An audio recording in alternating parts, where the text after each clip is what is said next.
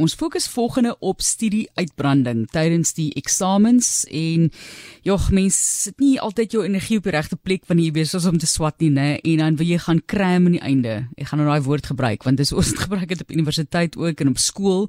En in plaas daarvan dat jy jou dinge nou baie mooi beplan, ek het altyd soveel respek gehad vir hierdie leerders of medeskoliere wat 'n kalender het waar volgens hulle gewerk het en ek het net gedink jy weet jy vat dit soos dit kom jy leer soveel as jy kan maar Karike Verboy is aan die lyn of op die lyn saam met ons sy is 'n akademiese spesialis by Boston Media House en gesels met ons oor studie uitbranding en hoe om dit te voorkom dis eintlik 'n baie baie ernstige situasie wat 'n jong persoon self in bevind wanneer hulle uitbranding ervaar so Karike gesels met ons oor die simptome van uitbranding spesifiek dan studie uitbranding. Hoe verskil dit van gewone uitbranding? Met studie uitbranding, dit kan jou laat belangstelling verloor in die dinge waarvoor jy eens passief wil vas en jy voel opgeput. Jy voel jy voel ek kan nou nie letterlik nou nie meer nie. Ek het glad nie meer energie nie. Jy voel hulpeloos, jy voel hopeloos. Ehm um, so jy begin te uh, die Engelse woord is catastrophizing. So jy jy voel weet jy wat is die einde van die wêreld? Ek gaan nou pluk. Jy weet my lewe is verby en en hierdie negatiewe gevolge van uitbranding, jy weet kan ernstige gevolge hê. Jy weet uh, ongelukkig sien ons dat studente nie weet hoe om dit te hanteer nie en dan ongelukkig verval in erge depressie en ongelukkig partykeer uh, gaan dit oor uh, waar hulle self skade aan hulle self berokke, maar ook hulle verhoudings wat hulle het met hulle familie.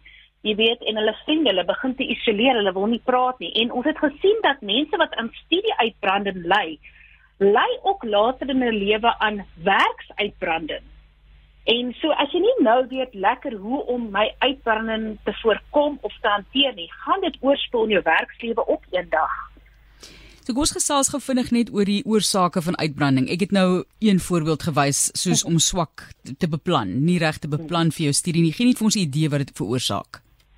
Kyk so die twee grootste oorsake van uitbranding is uitstel en perfeksionisme.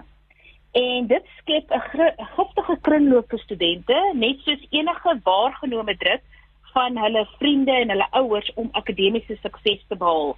En wanneer al jou onvoltooide take opbou, bou dit spanning op.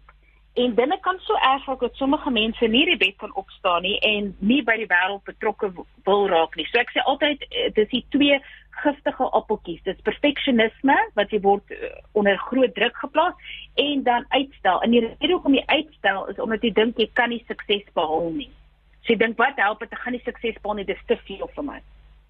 Ja, dit is interessant dat jy sê nie beplan nie en dan ook perfeksionisme of uitstel liewer en perfe perfeksionisme. So watter stappe kan ek nou neem om daardie druk wat mense ervaar te hanteer? En ek weet nie of ons hierso moet onderskei tussen matrikulante en tussen studente op universiteit of college nie. Wil jy dalk onderskei tussen hulle? Ek dink met matriekstudente dit is belangrik om vir jouself te sê wees sag met jouself. Jy weet ons almal seer matriekeksamens en dit is nie die einde van die wêreld nie. Dit voel soos die einde van die wêreld, maar dit is regtig nie. Jy weet jy het al so lank voorbereiding vir jou matriek eindeksamen en jy moet onthou, jy weet as jy weet jy was in jou klas, jy het jou leeswerk gedoen, jy het jou voorbereiding gedoen, behoort jy goed te doen. Ehm um, jy weet met uh, universiteitsstudente wat ek vir altyd sê is jy weet jy jy weet jy moet somewhere begin om te swat. So uh, en dieselfde met matriekstudente, begin net begin net eers, begin net om weer deur jou werk te lees of begin net om weer 'n bietjie 'n mind map te maak, maar begin net eers, dit is die belangrikste. Ehm um, ek dink dit is nou te laat om 'n studieskedule vir jou op te trek vir die volgende paar weke. Maar ek sê beplan net vir môre. Beplan dan vir die dag daarna. Kyk nou wat jy skryf wanneer. Veral met matrikulant, jy sê okay, maandag skryf ek wiskunde.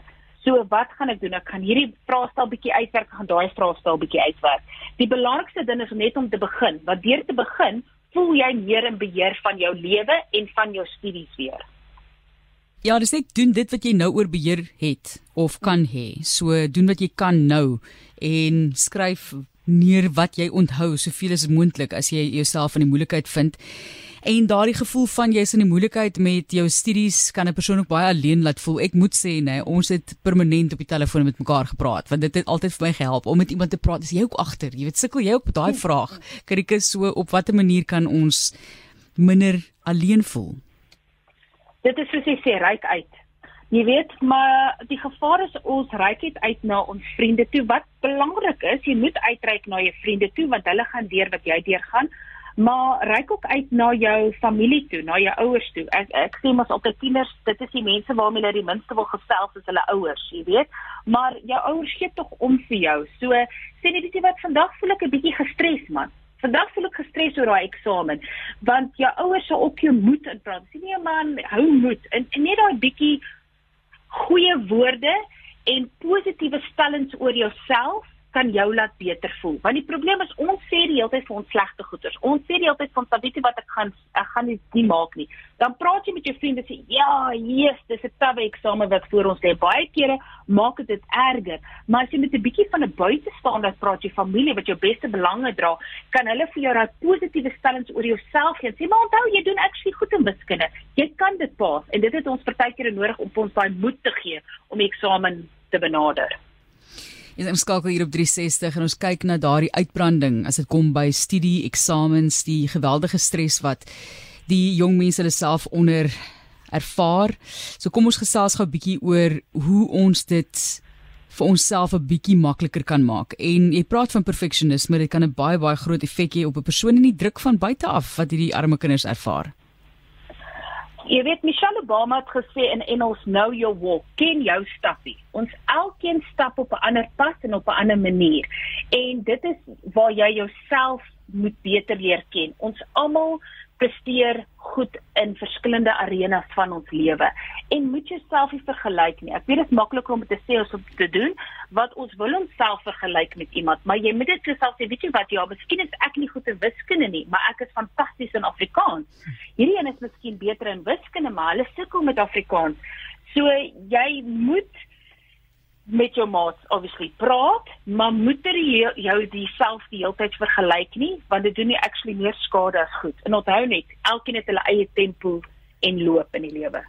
Daardie baie belangrike inspirasie sê ons dankie voor. Dis van Karika Verbooyens, sy is akademiese spesialis by Boston Media House. En so 'n paar punte wat sy vir leerders wil oordra om hulle te help in hierdie tyd van studie en studieuitbranding tydens eksamens. Indien jou leerder jou kind in die huis nie hierna kon luister nie, speel vir hulle dit sal op pot gooi ook later wees. En versprei dit maar so wyd en suid. 'n Laaste woord van bemoediging Karika? Dink die ene wat ons met daai COVID vir ons opgeleer het is om nie van mekaar te vergeet nie. Hulle het gewys dat as ons mekaar help, dan help dit ook ons eintlik om ons stres te hanteer.